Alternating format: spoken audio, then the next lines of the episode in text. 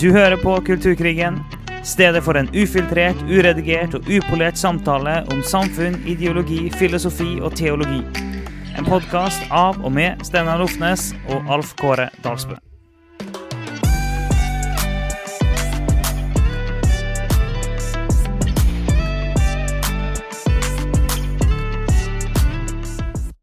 Oi, oi. Nei, vet du hva? Vi må bare sette i gang. Vi kan ikke prate mer. Nå, nå drev vi og prata oh. altfor lenge. Vi, vi prøver egentlig ikke å prate for lenge før før vi setter i gang episoden, men nå trykker jeg bare på, på opptaksknappen her. Kjære tid, Alf Kåre. Bare når vi snakker gjennom disse sakene som vi skal snakke om, så blir vi jo helt satt ut, altså. Vi blir jo helt matte. Det jo Kjære tid. Det er mye craziness, altså. Altså, Uh. Jeg har jo sagt at jeg skulle, egentlig håpe at vi ikke trengte å snakke om pride hele juni. Men det er jo, det er jo umulig. Det er jo, Ja. det er jo helt umulig å ikke snakke om det. Det er så vanvittig mange saker i ett bankakjør. Til og med jeg, jeg som er rimelig eh, en rimelig rask leser, har en leseliste med, med ulike artikler sånn som jeg skal bare komme meg gjennom.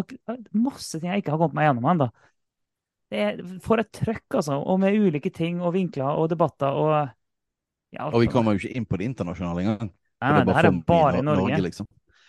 Så nei, eh, nei, vi må jo bare gå inn i det og snakke om det også. Men det er Ja, det er intenst. Vi må bare trekke pusten og få pulsen ned og, og, og, og rolig. Fordi at vi, vi prøver ikke å være for agitert når vi snakker om disse Ja. tingene. Ja, det, det, skal vi, det skal vi unngå.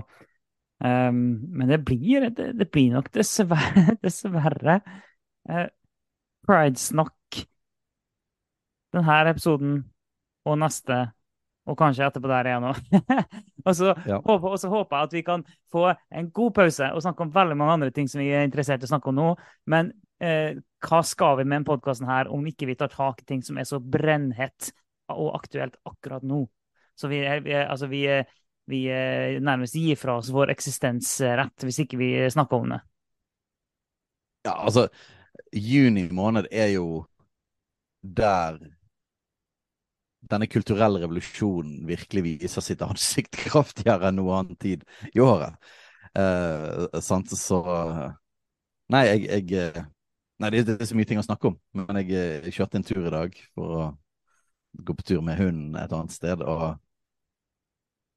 det er mye flagg, da. Det er mye Mhm. flagg rundt omkring. Uh, og du Mer enn noen gang. Jeg har aldri sett så mange som i år.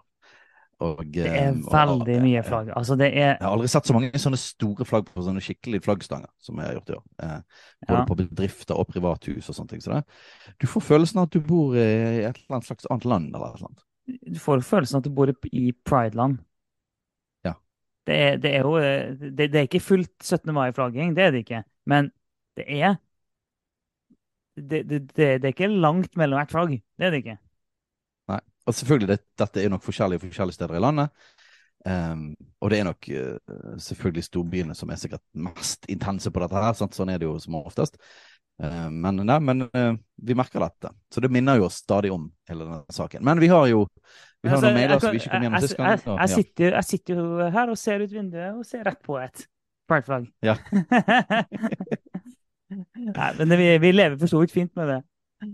Ja, Men, eh, Men det er en ja. stadig påminnelse om, eh, om noe som, eh, som absolutt ikke vil eh, la oss kalle det en ideologi. Ja, Eh. Nå, nå, men, nå må ikke, eh, du, men, du må ikke eh, gå dit allerede. Steinar. ja, ja. Nei, sagt, det er en stadig påminnelse om en, et, et syn. Ja, Det oppleves jo nesten som en religion eh, ja, ja. hele tiden. Ja, så, så vi blir ja, vi blir minnet om dette hele tiden. ja. Men la oss gå inn i, gå inn i mailene. Ja, vi må, for vi, det var to episoder vi ikke rakk forrige gang. Men jeg skal bare si en annen ting òg, for det var, jeg fikk jo en litt sånn uh, gøy overraskelse i posten i dag. Det liksom, når, det, når det dumper i postkassa eh, folk som sender, sender bøker vi bør lese, da kjenner jeg at jeg blir glad. Det er et lite kjærlighetsspråk eh, for meg, altså. Ja, det, det er gøy. det kommer i postkassen. Det kan gjerne bøker. folk fortsette med. ja, altså bøker og sånn dere, bør, eh, eh, dere bør ta med denne personen her på podkasten. Her er bøkene. Les dem, liksom. På sånn Wow, ja! Da, da skal vi lese dem. Det er kjempegøy. Så mer, eh, Ja, det er vi, det er vi takknemlige for. Ja, det er gøy. Eh, Så det er gøy med all mulig eh, interaksjon med lyttere. Men OK, eh, vi, må ta de to e-postene før vi går inn og snakker mer om de andre tingene vi skal i dag. Vi fikk en e-post for som ikke rakk forrige episode, der personen skriver Når dere sier at alle må få lov til å leve ut sin seksualitet sånn som de vil, så skaper det en utfordring som heldigvis i liten grad enda. Eh, når noen vil hevde at de er pedofile og må få lov til å leve ut sine lyster. Og det kan fort bli aktuelt hvis FRI ikke blir stoppa. Spør personen. Og, Ja. og det her kommer ut av at vi for to-tre episoder siden så snakka vi, vi sa, Jeg har ikke gått tilbake og hørt på det, men vi, men vi sa vel noe sånt som at, eh, at vi, vi er for et liberalt demokrati, og at folk skal få lov til å leve som de vil. Eh, Det var vel eh, noe cirka noe sånt vi sa. Så jeg Ja, jeg hørte faktisk gjennom, jeg hørte gjennom det. Jeg hørte det at vi var litt mer nyansert enn det. Eh, Ja. Og sa det at det finnes jo Alle samfunn har jo grenser. Eh, Mm. sånn, så, sånn at eh, um, Det er ikke nødvendigvis Det var ikke nødvendigvis helt det vi sa, men problemstillingen er jo helt riktig. Eh, og og det er en interessant debatt, dette her. Er hvor, hvor er grensene for liksom det liberale demokrati? Eh, og hvor mye grenser skal vi også sette på seksualiteten? det er et skjæringspunkt mellom det som vi som kristne mener er Guds gode rammer for oss, det vi mener er innafor, utafor, det vi mener er, er å leve hellig, det vi mener er å leve i synd, og der de grensene er helt krystallklare for en kristen. Det, sånn det, det, det, det har du på den ene sida, og så har du på den andre sida at vi lever i et samfunn der vi ikke vi, vi kan tvinge folk til å følge Jesus. Vi kan ikke bruke lovverket til å tvinge folk til å leve et hellig liv. Det kan vi ikke. Samtidig så kan vi bruke det at Gud har gitt oss noen gode rammer, som, og vi kan være med å utforme politikk og lovverk som går i tråd med Guds gode rammer for oss. F.eks. som jobber for gode forhold for eh, kjernefamilien, f.eks. Sånn.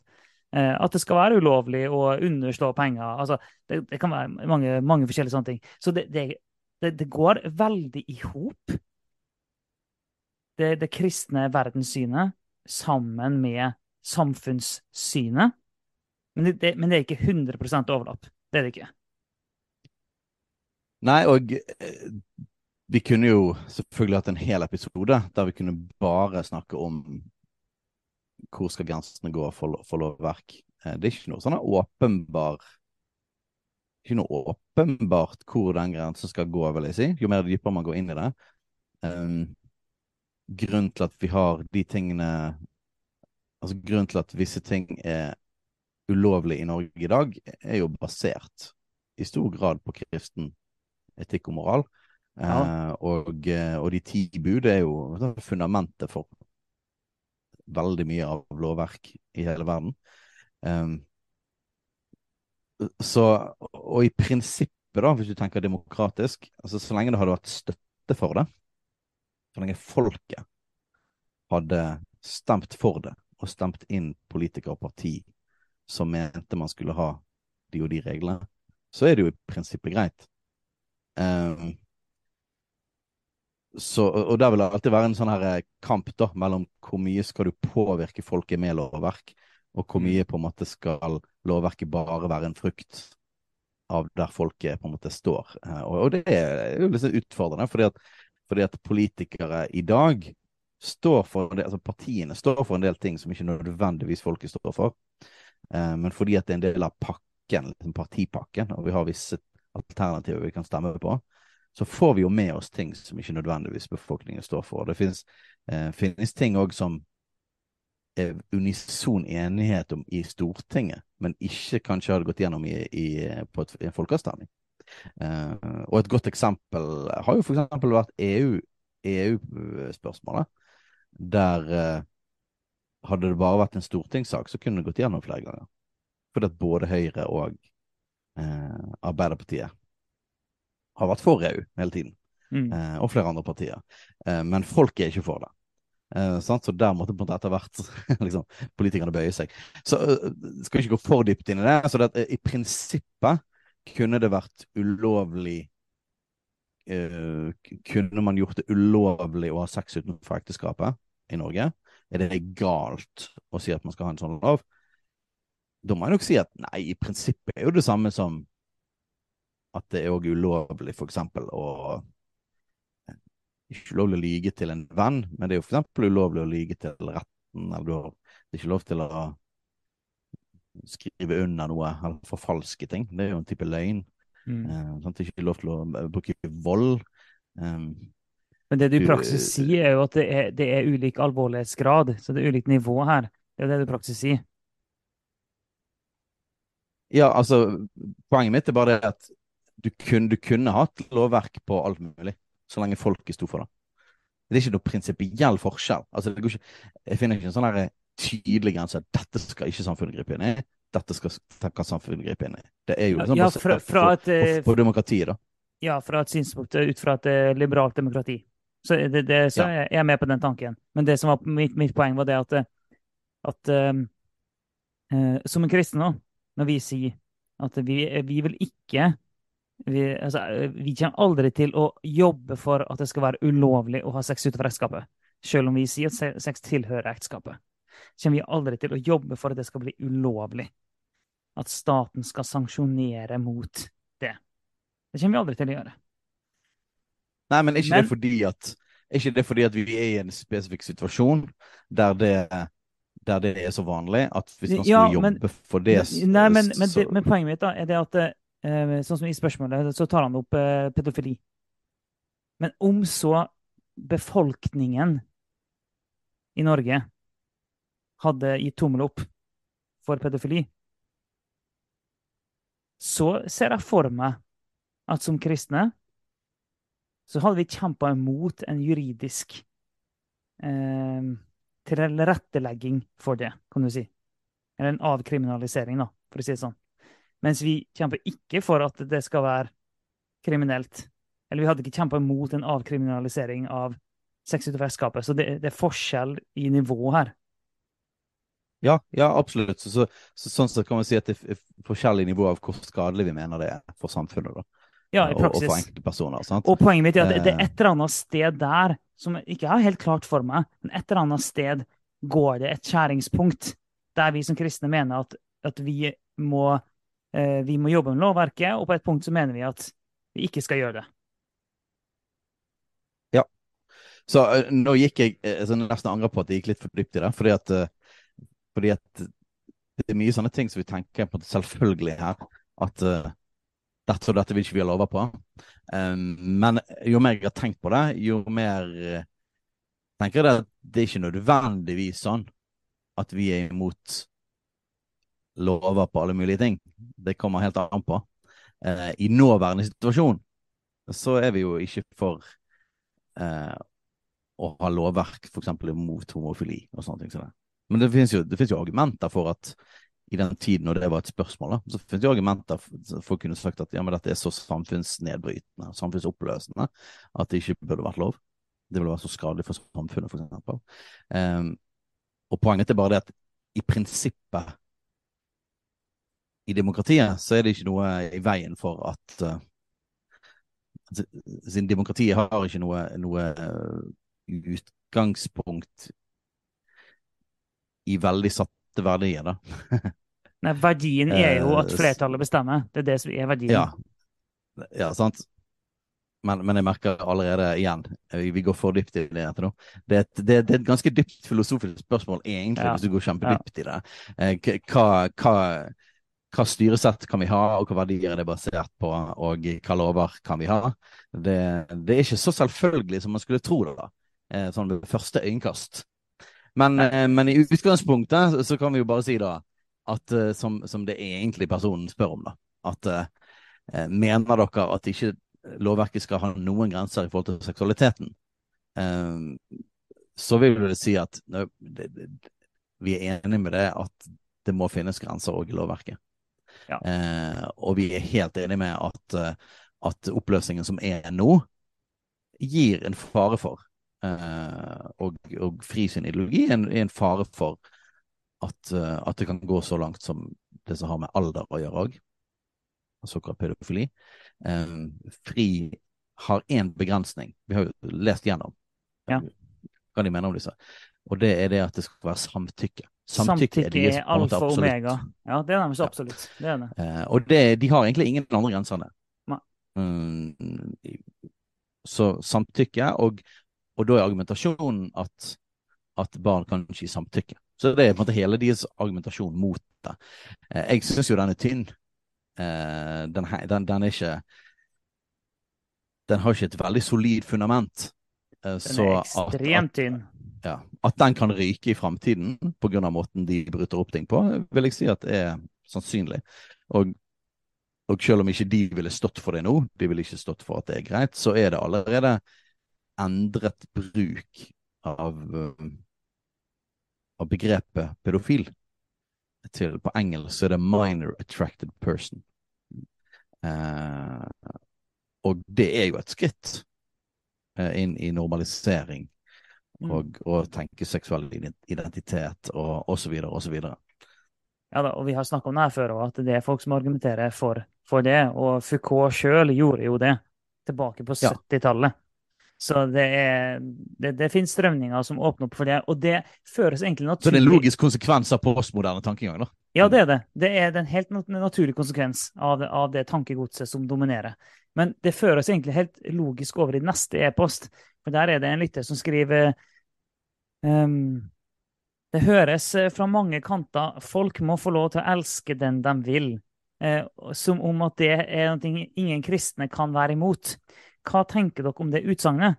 Er det ikke et risikabelt og grenseløst utsagn? Hva med incest, eksempel? Er det egentlig et utsagn som stammer fra Foreningen FRI? spør den personen her. Så det, det, Nå har vi allerede toucha litt innpå det, da, men vi skal bare svare ut Mm. den. Og, eh, og det, han har jo helt rett eh, når han skriver det at eh, Er det ikke et risikabelt og grenseløst utsagn? Jo, men det er jo akkurat det. Det er sånn, det, det er akkurat det. Det er et grenseløst utsagn. Og det er jo nærmest poenget i seg sjøl. For at en, en vil ha noe som eh, er grenseløst. Det skal ikke være begrensninger på individet sjøl, for individet sjøl skal få lov til å bestemme, ingen, ingen andre utafor. Så det er, det, det er meningen at det skal være grenseløst. Ja, og, og begge de mailene trykker jo egentlig på den saken at det må jo være en grense et sted. Mm. Eh, og og eh, denne bevegelsen òg prøver jo å forholde seg til grenser. Eh, men de har ikke lyst til å snakke så mye om det. Med mindre noen er imot, da. Hvis noen er imot, der går Ja. grensa. Grensa går hvis du er imot på noe som helst måte. så, så problemet med at når du, når du er en bevegelse som, som har som sitt mål å rive ned grensene som er, eh, og argumentere på en måte mot kunstige grenser, er jo det at hvor skal de stoppe, da? Eh, og, og for oss er det ganske enkelt og greit. Vi, vi tror på grenser. Vi tror grensene er positive. Vi tror de er gudskapte. Og vi tror at Bibelen gir oss veldig tydelig hvor grensene går. Eh, og nok en gang så er det én mann, én kvinne i pakt sammen som får barn. Det er familie. Og så slutter det der. Det er rammen. Det er grensen. Mm. Eh, og det er stedet for, for sex og for samliv. Um, og det betyr to voksne betyr at grensen, da er det naturlig grense i forhold til barn. Uh, og det er grense i forhold til antall, og det er grense i forhold til kjønn, og det er grense i forhold til ja, hvem som er mine barn. Mm. Mine barn er de barna som vi har fått. Eh, men når du begynner å sprenge den, denne boksen, denne grensen, så, eh, så begynner man jo å slite, da. Og eh, som sagt, fri, fri bruk av denne her med at folk må synes at de må være enige på en eller annen måte. Eh, den er utfordrende, sant? for at, eh, sant? man bruker jo òg denne i, i det som har med eh, seksuelt misbruk eller eller utnyttelse av din stilling på jobben og sånne type ting, og i, i voldtektssaker og sånn, så er jo dette med konsent en stor greie. og Man, har, Mm. man snakker jo òg om sånne her å skrive under skjemaer og sånn. Ja. Um, det er jo, det er jo et uh, veldig utfordrende felt. Eh, å prøve å finne grenser inn i kaoset. Sånn, for oss, Jeg husker jeg har snakket med min kone om dette mange ganger, hver gang det har kommet til sånn greie i forhold til problematikken rundt det her. da. Mm. Eh, Hva det heter det skjemaet som man snakker om, eller denne avt... Altså, hva det heter på norsk? Eh, Sikkert samtykkeerklæring eller et eller annet sånt. Samtykkeerklæring er det heter. For noen, noen uh, partier, eller ungdomspartier iallfall, uh, jobber for at, at det skal bli påbudt på en eller annen måte. Uh, og så er det på en måte det Det er jo nettopp den utfordringen som blir tatt opp. Det er det at For oss er jo det veldig enkelt. Uh, vi kan ikke ha sex med noen andre enn vår egen kone. Mm. Eh, så grensen går da veldig tydelig, og vi har erklært eh, Vi har skrevet under samtykke Erklæringen når vi giftet oss. Når vi gifter oss, ja. Så, Mm. så, så det er gjensidig samtykke, og, så den er grei. Eh, problemet er når du, når du bryter grensene for det med rus, du bryter grensene for seksualiteten generelt, det er ikke ekteskap, det er ikke eh, sant, du det med alder og hvem og hvordan, alt, alt dette er løst, og så plutselig får du en festsetting der masse folk er ruset, eh, og verdien er at folk kan drive og ha sex med hverandre, og så inni der da, uten rammer, og mens folk er ruset, så skal man da prøve å finne ut av grensen. For det må gå en eller annen grense et eller annet sted, eh, og, og finne definisjonen av voldtekt og ikke. da. Eh, og da er jo vårt svar at det er altfor seint. Ja, ja, ja. Alt, alt for seint. Selvfølgelig er, finnes, det, det verre og bedre situasjoner, sant? og at, at voldtekt er helt forferdelig. Men, men løsningen mot i den situasjonen er at du må sette grensen mye lenger før. Eh, eh, så, så er det et grenseløst utsagn å elske den man vil. Ja, det er det. Eh, og de burde klare De burde stilles til ansvar for, for det. Fordi at, som mailen sier eh, Den første mailen sier, tar opp det med pedofili. Er det ikke det å elske det man vil, da å kunne Og- elske og det kan gå begge veier, det. alder? Ja. Og det, og sånt, for En snakker om følelser, og det kan gå begge veier, det. Eh, I et pedofilt eh, forhold, eh, i et forhold, altså i incest, så kan det gå begge veier. Rent sånn følelsesmessig. Så, så, så, så det, den sier at du må få elske den du vil, så er det da 100% subjektivt basert. Den jeg føler for, den jeg har følelser for, det jeg, vil, det skal jeg få lov til. Eh, og det, så vi vil jo faktisk si at nei, du får ikke lov til å elske den du vil. vi sier det, vi. Nei, du får faktisk ikke lov til å elske den, den du vil. Eh, det kommer helt an på Du kan ha følelser for Ja. folk. Du kan ha tiltrekning til folk. Ja, ja, Men du kan ikke handle på å, å innlede et forhold Nei. Med Kan hvem du det? Nei, du kan ikke det. Og, det, og, det, og sånn eh, og Hvis jeg får følelser for, eh, for eh, naboen, skal jeg bare gå og prøve å gjøre noe med det, da? Nei, altså Nei, jeg kan ikke elske den jeg vil. Jeg kan faktisk ikke det. Eh, så det, det utsagnet er Og igjen, så er det, det er basert på samtykke. Så, og, og hva er samtykke? Jo, jeg syns det er greit. Så det, samtykke er òg 100 eh, fundamentert i følelsene og hva, hva personen sjøl står for. Det er ingen ytre eh, begrensning der heller. Så hele veien, i hele argumentasjonen, så er det individet sjøl det står på. Hele veien. Og det, og det, og det er jo det jeg tenker, da. Det, eh, har du lyst, har du lov. Gjør det du vil. Eh, you do you, som jeg hører noen, noen si. Som jeg syns er et forferdelig utsagn. you do you. Bare gjør det som det, du har lyst til.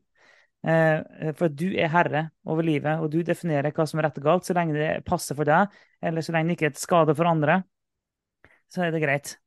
Gjør det du vil.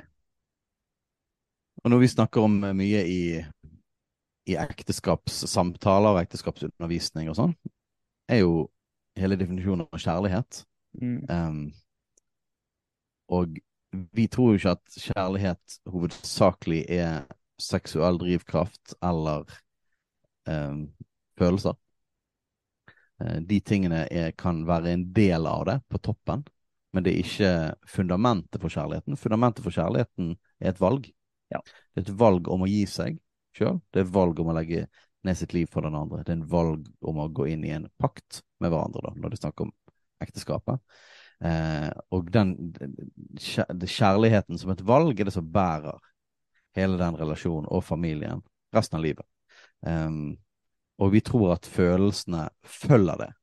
Mm. Uh, og den seksuelle tiltrekningen, det kan både gå opp og ned, men vi tror òg at den følger intensjonell jobbing. Altså, si, tiltrekning og følelser følger valg. Og, og vi, vi, vi velger å gå inn i en pakt med. Det er sånn vi forstår kjærlighet. Uh, sånn at Sånn at hele utsagnet å elske det man vil, blir så fryktelig Det blir veldig annerledes i hele vår forståelse av kjærlighet. Og så, så nok en gang, folk eh, vi, vi, pleier jo ofte å gå inn i ord og prøve å definere de og gå dypere ned. Og noen ganger kan det virke som at det er flisespikkeri. Men jeg syns at, at uh, kulturen vår slipper utrolig billig unna hele tiden med å bruke sånne veldig breie ord mm. uh, og uttrykk som 'elsker den man vil'. Og så er det akkurat som at Men mener ikke dere at det er en grense? Og hva er deres argumentasjon for at det finnes en grense? Jo, loven sier at du må være 18 år. Ja, men hva er loven basert på? Eh, og vi har, vi har, hele tiden så peker vi tilbake på en objektiv sannhet. Vi tror på den rammen, vi tror på Bibelen. Vi tror på en Gud, der kommer det fra. Hvor har dere grensene fra? Og, og nok en gang, folk kan tenke vi er gammeldagse og teite, men vi har et solid fundament for vår argumentasjon. Mens de har forklaringsproblemet, for de må finne ut av hvor skal du sette grensen når du sprenger ja. de grensene som har vært før. Det er akkurat det. sant? Hvor hen setter du den grensa når det ikke finnes grenser? Og det er det vi sier hele tida, at vi har i, det minste grenser. Vi har faktisk definerte grenser som vi holder oss innenfor. Men med en gang en begynner å fjerne dem, så har en ikke lenger grenser. Eh, det er, og, det er, det er, eh, det er Den som sier eh, du må få lov til å elske den du vil Det hadde vært morsomt å ha med i en sånn eksklusiv hvor vi sier kjærlighet er et valg og du må dø fra deg sjøl. vi, vi, har ingen fokus på at her skal du få lov til å bli elska som den du er, og du skal bli realisert i denne relasjonen her. Det vi har fokus på, er at her skal du komme for å dø for å løfte opp den andre. Det er det vi sier. ja, og så tror vi virkelig, for dette, det, dette er jo sånn det er fordi vi tror på evangeliet, og, og der er det sånn opp-ned-prinsipper. Mm. Om at den som mister sitt liv, skal følge det. Ja. Eh, skal finne det. Og den som gir, den får. Eh, så, så vi tror jo at den dypeste meningen og den dypeste eh, tilfredsstillelse fins i å legge ned sitt liv og elske. Og er man virkelig velsignet, så, så skjer det begge veier. Eh, og så ja. lever man i Guds intensjon for oss. Og så tror vi jo det at det faktisk blir mer lykke eh, i å følge disse prinsippene for livet enn å følge seksuell drivkraft og følelser. Så, vi, så, så, det er jo basically det vi tror på, er jo bare når vi snakker om det, da, det er så komplett motsatt ja. av det pride står for. Ja, ja. Altså det er på en måte det er helt motsatt virkelighetsforståelse av hva som er drivkraften i livet vårt. Som igjen da eh, blir et, eh, et, svar eh, på noen ting av det vi toucha på forrige gang, når vi sa det at hvorfor er det umulig for en kristen å, å, kunne gå i pride på noen som helst måte? Jo, fordi at pride vil oppløse alt det som kristendommen står for. Og vi, det, det, handler mer om hva vi er for enn hva vi er imot. Vi er for ekteskapet mellom mann og kvinne, som du sa. Det er én mann, én kvinne i pakt, og det blir barn, det er familie. Det er det vi er for, så vi da er vi naturligvis mot alt som løser opp det. Uh, og, det, så, og, vi skal touche litt inn på det videre i, uh, i denne episoden her òg. Og vi må jo snakke, det, det, svare på noen e-poster. Vi har brukt en halvtime på det, vi, for det, det, setter i gang så mange tanker.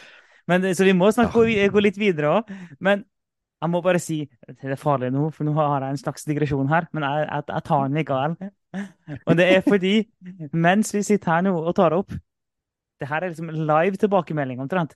Så kom det inn en melding på eh, Messenger. Vi får noen ting på e-post, noen ting på, eh, på Messenger til Facebook-sida vår. Så kom det inn en melding da, med, fra en lytter som har hørt um, Som takker for podkasten, det er veldig hyggelig. Og som vil anbefale den siste episoden til Jordan Peterson der han snakker med James Lindsay. Og, det, ja. eh, og det var jo, den var jo utrolig morsom, den episoden. Den var bare Ja, vi har, vi har jo akkurat hørt den, begge to. Ja. Det var, også, så det, det, vil jeg, det, vil for så vidt anbefale folk. Uh, Iallfall hvis en har hørt litt både på Jordan Peterson før og James Lindsay før, så er det veldig morsomt å høre den episoden med dem to sammen. Men så skriver den lytteren her, da. Um, han vil anbefale den episoden. Og så blant annet uh, om de gnostiske røttene til marxisme som James Lindsay har jobba en del med i det siste. Hadde vært sykt kult å høre en episode på Kulturkrigen om teologien bak marxisme som eh, dialektisk skråstrek gnostisk livssyn. Og så gir han noen podkaster til anbefaling her. Så det er jo eh, kjempegøy. Ja. igjen Jeg har bare- hørt uh, James Lindsay snakke en del om de tingene der, og det Ja, er interessant. Ja, det er kjempeinteressant. Men jeg, eh, men jeg bare digger når eh, lyttere skriver inn eh, på sånn Les den bøkene her, intervju de folkene her, hør podkasten her, kan dere snakke om det her? Kjempegøy. Det er en dynamikk vi liker veldig godt. Så jeg ville bare ta den når den kom inn nå nettopp. Ja, kjempekult. Og eh, et bitte lite svar til Ja, bitte lite. Bitte lite, ja. de, de, de snakker om de, Jeg starter De stoppeklokka nå. om Ja, ja, OK, supert. Er superkort. De snakker om på en måte forskjell Når du graver ned, da. Eh, eh? Du, begynner, du begynner liksom i Woke eller i Kulturkrigen, eller hva som gjør nå, så prøver du å grave deg ned i hva er på en måte røttene til disse tankesystemene. Og hva er det på en måte sånn Hva forskjellige typer tankesystemer er det som på en måte står imot hverandre her. Um, sant? Så begynner du gjerne i ideologien, sant? og vi, vi har snakket en del inn i det. Men så, så går du til litt sånne eldre filosofer, og så, og så begynner du å grave det ned, og så ender du opp i gnostisismen. Og så, men hvis man det de sa, da, hvis du graver deg på en måte langt nok ned, så er du nede i på en måte, du er i det religiøse domenet. Og, Mm. og eh, basically så begynner de å snakke om bibelhistorier, og John Peterson snakker om Kain og Abel. Og James Linsley, den tidligere nye, aggressive nyateisten, sier at nei, du må gå enda dypere. Her, det her må vi tilbake til syndefallet. Og Ja. slangen i hagen. Ja, og så går ja. de på Lucifers fall. Og så er det bare sånn her, det, Dette er jo akkurat måten vi har eh, Vi har ikke gått så mye inn i gnostisismen og en del av de eldre filosofene. Så vi har liksom hoppet litt over den biten, da. Eh, men vi har snakket om ideologiene som, som er sånn rett bak, da. Er ideologiene som har dominert eh, i denne tiden. Og så har vi snakket om marxismen, og så har vi hoppet litt over den greia der, og så har vi gått tilbake til Bibelen og de skikkelig dype røttene til disse tingene. Og ender jo opp i da et syndefall av Lucifer. Så, så jeg, jeg, er veldig med på hele, hele den måten å tenke på. Uh, og, og på langt på vei har vi gjort det. Men så spørsmålet er om vi skal, om vi skal grave oss litt ned i, i midten her òg, da. I de midterste det, lagene. Det, det, altså, vi har en ganske lang liste over ting vi skal snakke om, så hvis vi bare orker å holde gående lenge nok med podkasten, så kommer vi til det til slutt. Det, Ja, det gjør vi. Så Men- har vi jo eh, snakket litt om at det hadde vært gøy å snakke om. Og, ja, nei, det, det er masse. Det, det er så mye greier, men altså, Rousseau, hele greia med, med sånn the blank slate Mennesket egentlig er rent og fint, men det er samfunnet som har besudla mennesket. Eh, Så derfor må vi bare tilbake til vårt autentiske menneske, som eh, ikke har blitt påvirka. Det, det, det, det, er noen greier der òg som vi er mye mer påvirka av i dag enn det vi er klar over. Og, eh, og som igjen, podkasten her handler om eh, å, å tenke kristent.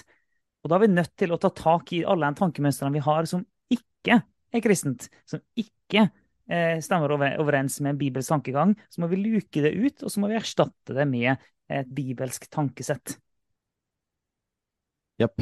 Så så du på stoppeklokken? Hvor lang tid det tok? Ja, det her tok bare to og et halvt minutt. Jeg har, jeg har Ja. egentlig noen ting jeg har lyst til å si om den, pod den, den podkasten her òg, men eh, kanskje jeg bare skal, må holde et kjeft om det, sånn at vi klarer å komme oss videre. For de som vil gå dypere i ideologi, eh, søk opp James Lindsay. Um, Altså, James Lindsay er finnes en rab rabbit hole. det, Jeg vet om ingen Jeg vet om ingen som går så ned i rabbit hole som det den fyren der gjør. Det er, altså, det er jo av og til jeg og du òg bare prøver å, å, å, holde følge, men det er vanskelig. Det, det, dialektikken og det der. Nei, det, det er mye forvirrende ting inni der. Men eh, OK. yes, skal vi klatre oss opp på dette hullet? Eh, ja, og, videre. og, og rett ned i et annet. Nei da. Men eh, vi, vi skal ta litt sånn litt dagsaktuelle ting. Ting som vi har støtt på og lest og tenkt og snakka om den siste uka eh, i sammenheng med denne pride-måneden. Eh, vi, vi, vi tar først, først denne Coop-appen. Du, du, du må Ja. fortelle om det, senere. Ja, her fra, det, fra den dype filosofi til det veldig overfladiske og Altså, hverdagslige. vi, vi, vi, vi går fra den gnostiske røtten røttene til marxismen til hverdagslivet. Ja. Og, eh, det, men det går litt i den greien at du føler at uansett hvor du snur, snur og vender deg, så er det litt sånn pride-greier. Og eh, så for- forleden dag så gikk jeg på Coop, og så, så hadde vi for så vidt snakket litt om eh, at Coop faktisk har gitt eh, valgfrihet til om du vil ha pride-logo eller ikke på, eh, på Coop-appen. Eh, og det var jo litt sånn wow, det må jeg si. Her, Det, eh, det her var er inkluderende, det tenkte vi. Trosfrihet og egentlig, det føltes inkluderende. Ja. Det var jo litt sånn her eh, Ja, way to go, eh, Coop. Her var det faktisk mulig å velge. Det, var, det likte vi. ser ikke ut som de har fått noe trøbbel, sånn som Tone. Um, Men Ton hadde jo forbud, da. Det var det som det var problemet der. Ja. Det, det er sant. Men det er litt sånn vanskelig på et hotell. Sånn, valg, ja, det, ja. det er lettere når du hver enkelt individ kan velge dette på sin Ja. egen app. Så uansett, så jeg eh, gikk på Coop der og skulle ha opp Coop-appen, eh, og da kom dette liksom du må velge, og så bare trykket jeg med stor glede nei. Jeg vil ha vanlig Coop-logo. Eh, og så og så trykker man der for å få medlemskort, den QR-koden opp, sant? for å skanne den. Og da ble jeg litt sånn her eh, matt, da.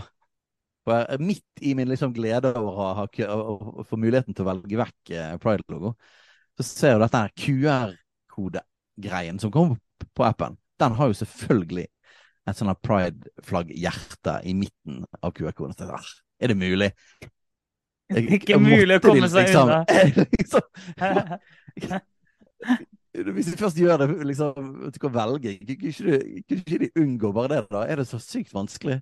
Ja, Så det var sånn følelsen igjen av at det var liksom- midt i min lettelse så bare Å, der ble det puttet på meg igjen. Må det liksom være absolutt overalt? Det er sånn, ja, du får det der, og så har du, har du eh, regnbue nonstop, og så har du eh, Altså, bare det er ett bankakjør, og så har vi jo da og Så oppdager vi plutselig at eh, det her regnskapssystemet, eh, systemet, fiken, de, de ga deg nå muligheten til å sende ut regnbuefaktura. Så kunne, til, til, dine, til dine kunder så kan du nå sende ut en eh, faktura i regnbuefarger. Og så, og så sto det også noe sånt som at, eh, at da vil du sende ut den eh, eh, eh, hva var det? Eh, hele juni, eller, eh, eller til du sjøl skrur av. Da. Så det virker som du hadde muligheten til å kunne sende ut lenge. Og, eh, og bare sånn, det skal være overalt! Det er sånn, er over en, uansett hvor vi snur og vender oss, så skal vi være- eh, få det der på oss. Og det er sånn Det blir så voldsomt der, og derfor syns jeg jo egentlig at det, at det burde egentlig vært en forståelse for dem som sier at det er litt mye nå. Det er litt mye at det skal være i absolutt alle kanaler, alle bedrifter, alle organisasjoner. Alle skal gjøre det. Det er, sånn, det er helt greit at en, at en er aktivister og at en har tog og alt sånn. Helt fint, kjør på. Vi, vi støtter jo det, det prinsippet. Men det er sånn Må alle gjøre det? Ja. Men det er, det er så voldsomt. Men det, Jeg må ta en morsom ting her, siden du Det der med litt for mye. Jeg bare må ta den her eh, Babylon Bee, som er satire-nyhetssted. Amerikansk satirenyhetssted. Okay, Som okay. faktisk var grunnen til at eh, Elon Musk eh, eh, kjøpte Twitter. Eh, De var faktisk eh, det som gjorde at han tok det valget, fordi de ble utestengt. Mm. Eh, og de er jo kristne konservative, da, og så driver de med satire. Så det, sånn, det ser ut som et nyhetssted, eh, og så har de tullete sånne nyhetsartikler. Da. Og Så apropos liksom, nå er det litt mye greien, så kom det en nå, da. Satan asks LGBTQ community to please tone down a bit. Og der, eh, der eh, artikkelen sier at Satan er rett og slett litt urolig for at dette kan få litt sånn backlash, da. Eh, At de rett og slett pusher for mye på nå. Og liksom Can you guys pump the brakes a little? uh. I'm all for a degrading culture and leading human beings toward eternal destruction. But liksom Så jeg syns det var en uh, god satire da på at det, det, det begynner å bli så voldsomt at til, Ja. og, med, til og med djevelen syns at det blir drøyt. At det rett og slett er ustrategisk. At ja, eh, ja, hvis vi skal nå målet her, så begynner folk å bli for sure på dette. Ja, ja, Men akkurat det tror jeg faktisk det, da. Jeg tror faktisk det er ustrategisk når det blir så voldsomt. Og det er sånn, Ja. eh, for Hvis du prøver å pushe noen for mye, så får det andre konsekvenser. Eh, og så det, jeg, jeg tror faktisk at det skader det de prøver å kjempe for. At det blir så massivt. Det tror jeg. Det men tror jeg, og det er jo det men- som er så bra i den satiren. Ja, at ja. det treffer noe veldig reelt. da. ja, ja. Um, Så eh, nei, det er åh, det, Vi må prøve å ha, komme oss litt videre men det, det, er, det er så mye greier å snakke om. Men, men det jeg har lyst til å få ta det fra det nå, det, det er jo gøy å le litt, det må vi jo kunne gjøre i Kulturkrigen. Men for å ta det et, et, et lite knepp mer seriøst, da. For denne fiken-greia. Så skriv de med ting de argumenterer litt for at du kan sende ut regnbuefaktura. Så skriver de en ting her som vi er nødt til å snakke om. Det tok oss bare 50 minutter å komme til, eh, til det, det som vi må snakke om i dag. Ja. Men Det er 50 minutter, 40 minutter tror jeg det har gått nå. Eh, så skrev han Sjøl om noen kan oppleve pride som politisk bare sånn, Må nesten stoppe med en gang der. Sjøl om noen kan oppleve pride som politisk. Sånn, prøver dere å si at pride er politisk? Det var sånn, det, det er skal, jeg, skal, jeg skal prøve å bruke fine ord, men det Det er noe av det dummeste jeg har hørt på lenge. At pride liksom Ja. ikke skal være politisk. Altså, Um, hvordan skal man kommentere det veldig kort? eh, da burde jo, det burde jo ikke stå så mye om dette i politiske program, da. eh, og Ja, politikere ja. burde jo ikke være så veldig involvert i denne saken hvis dette ikke er politisk. Det, Ja. Og eh, så politikere er jo ikke de er jo ikke engasjert i denne saken i det hele tatt. mm, Eh, og partiene har Det finnes ikke lover eller noen ting som man kjemper for. Nei, det faller på sin egen urimelighet. Ja. det ja, ja, det, det henger ikke på greip i det hele tatt. Og, jeg, og med en sånn antydning om at det ikke er politisk. Og, og vi skal komme med, mer frem til, snakke litt mer om det etterpå, da. Men det, hvordan det, det er mange sånne små Til alle menn der ute, sett av helga 3. til 5. mai 2024, for da skal Kulturkrigen arrangere mannshelg på Hemsedal høyfjellssenter. Da skal vi gå inn i eh, mannstematikk koblet til kulturkrigen. Altså, hvordan er det å være mann i denne krigen vi står i i samfunnet, og hva er faktisk vårt ansvar og vår rolle?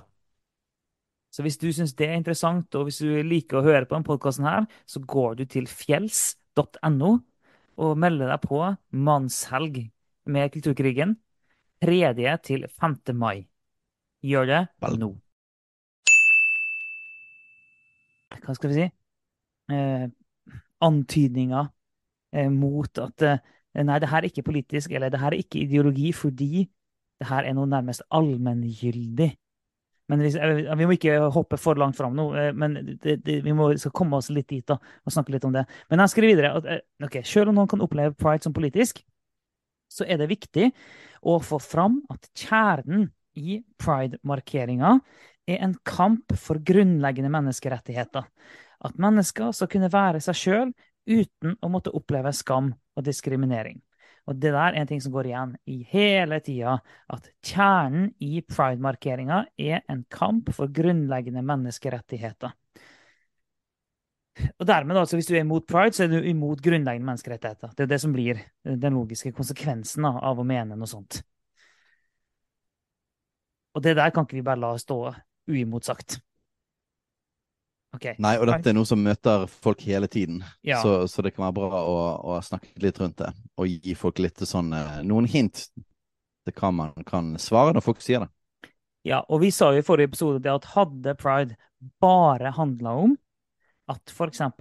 homofile ikke skulle bli trua og diskriminert og undertrykt Hvis det var bare det det handla om. Ja. Og det, igjen, nå ble jeg sånn som, sånn som når jeg sa det sist gang, så sa du uh, vi må tenke å sånn, Hva det betyr, ja. Ja, ja. de ordene igjen, da, Eh, selvfølgelig. det- det- så da Diskriminert vi og undertrykt. Ja, vi, vi reagerer på hverandre, vet du. Det. Men eh, så vi, jeg, kan si, jeg kan si sånn, da. Sånn som vi definerer eh, undertrykt, diskriminert eh, og, sånn, sånn som vi definerer det. Hvis det kun handla om det, sånn som vi definerer de ordene, OK. Det, det har jeg ingen problem med. For det, det er Ja. veldig Det er helt innafor. Eh, ikke bare innafor, det er Jeg vil si det er en plikt for kristne å jobbe for at, eh, at ingen skal bli diskriminert. Igjen, sånn som vi forstår det begrepet, og definerer det. Eh, så, så- men hadde det bare vært det. Men det er ikke bare det. Veldig langt ifra. Eh, så når jeg da sier at det handler at kjernen er en kamp for grunnleggende menneskerettigheter, så er ikke det riktig. Og det, og det stiller oss i en sånn Hvis vi aksepterer premisset For det her, det her vi som kristne må være så påpasselige, for vi har veldig lett for å bare umiddelbart akseptere premissene som har blitt lagt. Premisset som legges, er at kjernen i primarkering er en kamp for grunnleggende menneskerettigheter. Så hvis vi aksepterer det premisset, så kan vi ikke være imot. Og det er der må vi passe oss litt, da. Det, men det, vi aksepterer ikke premisset om at kjernen i pride er grunnleggende menneskerettigheter. For som vi nevnte i forrige episode òg, pride er så mye mer. Det, det handler om polygami. Det handler om sexkjøp. Det handler om trans, kjønnsskifte. Det handler om eh, Normkritikk. Normbryting. Ja, ja. Nedbrytning av, av- grenser og barrierer. Og det her handler, og det er bare, det er bare å lese deres politiske plattform, så ser du hva det handler om. Det, det, er, ikke noe, det er ikke noe konspiratorisk i det, det er bare å lese hva han sjøl mener. det. Så ser du hva Det handler om, det handler om en forståelse av kjærlighet som vi ikke deler. Ja, Eh, det- det handler det- om en forståelse av toleranse som vi ikke deler. Det handler om Men det jeg kan være enig om, da, er enig med deg er at hvis det hadde vært sånn kjerne i Praha-markeringen i at folk skal få lov til å gjøre som de vil, det hadde jeg vært, vært med på. Eh, At, Ja, at- og da kommer vi jo inn i spørsmålet fra mailen igjen. Eh, Gjør hva man vil uansett. Nettopp, Eh, nei. Ja da. Eh, eh, At folk Altså Hvis det var veldig spesifikt, da, så er ikke vi for i denne konteksten, i denne situasjonen, i denne kulturen, så er ikke vi for en lov som skal gjøre det ulovlig eh, å ha sex med samme kjønn. Det er jo rett og slett så spesifikt man må være, da. Mm. Eh, fordi at vi mener jo at lovverket skal ha grenser. Ja. Og det har allerede grenser, og, og til og med på, på sex eh, skal det ha grenser. Sånn som innsenderen poengterte, da. Eh, Mm. Sånn så det er ikke en blankofullmakt til alle, alle varianter av det, men, men det, sant? Men igjen, der i diskusjonen, det er at i, i tidligere tider, hvis, hvis folkeflertallet var for at det skulle være ulovlig, så er det ikke nødvendigvis noe vi er prinsipielt mot da. Men i sånn situasjonen er nå, så, så vil ikke vi kjempe for en sånn lov, eh, og mener at det ikke er hensiktsmessig. Ja, Og, men nå poenget mitt da, er det, det her med premisset som blir lagt. For hvis premisset ble lagt om at kjernen er at folk skal få gjøre som de vil, ok, da kunne vi i det minste vært eh, enige om at det, det er kjernen i pride. Altså uavhengig av det med hvor grensene går Ja. Men vi kunne vært enige i premisset om at det er det som er kjernen. Eh, men, eh, men det er ikke det premisset som er lagt. Vi må lære oss å ikke akseptere de premissene. Og vi må lære oss å avsløre det. Så, så um, og så, og så skriver han videre sånn at, at mennesker skal kunne være seg sjøl uten å måtte oppleve skam og diskriminering. Ja, Vi skal ikke gå for langt inn i, inn i definisjonene av det igjen akkurat nå, men Ja, men, men, men vi kan oppfordre folk til å Jeg tror ikke vi kommer utenom dette, siden, siden det, denne kulturkrigen er en kamp om ord og definisjoner av ord. Og ord Ja. blir brukt som våpen i kulturkrigen. Så er det eh, Det er en måte å sette oss i sjakkmatt på. mm, Og derfor kommer vi ikke utenom at vi må faktisk se på ord. Eh, Mm. og, og så at folk ikke kan slippe helt unna med å bare si grunnleggende menneskerettigheter. OK, hva er det vi mener i grunnleggende ja, men det her, det her er superviktig. Vi må lære oss å hele tida avkreve en definisjon av det vi snakker om. For det, det, som, det vi ser igjen og igjen, er at eh, når eh, dem vi snakker med, blir tvungen til å definere hva de egentlig mener, så havner de veldig ofte på skikkelig tynn is. Og hvorfor det? Jo, fordi at eh, fundamentet deres er helt vilt svakt. Veldig ofte så står de på et veldig svakt grunnlag. Vi kristne vi står på et knallsolid fundament for hvorfor vi mener Mm. det vi mener. Så vi kommer ikke på tynn is i det hele tatt når vi skal definere sånne ting. Men veldig mange andre har, har knapt et fundament. Så når vi avkrever ok, men hva mener du med det? Ok, Når du sier grunnleggende, mennesker, grunnleggende menneskerettigheter, hva mener du med det? Før vi kan snakke om det her, så må vi vite at vi snakker om det samme. Så da forteller du hva du mener, så forteller jeg hva jeg mener, så ser vi. Og bare eh, ikke gå inn i Ikke, ikke, ikke aksepter premisset, ikke gå inn i samtalen før det er gjort. Og veldig ofte så vil bare det i seg sjøl ta hele Altså løse opp hele greia. Og, og, og fordi at folk har som, som oftest ikke tenkt over det, og, og siden denne bevegelsen i veldig stor grad er basert på å bryte opp kristne rammer, Mm. eh, så, så er på en måte har ikke man tenkt så veldig mye gjennom hva man egentlig står for, mer enn man, man, hva man er imot. da. Eh, Så man vil bryte opp dette. Eh, Og da er på en måte en slags frihet på andre siden. da. Men, men utfordringen kommer når de sjøl må definere ting, og de sjøl må sette grensene. Um, og finne ut hva grunnlag de har for å gjøre det. Og, og vi bør folk sette folk i denne situasjonen, og ikke på en måte Vi er jo de som har som står på en måte på, på tradisjonen. Mm. Eh, og de som tror på objektiv sannhet og har trodd på dette hele tiden.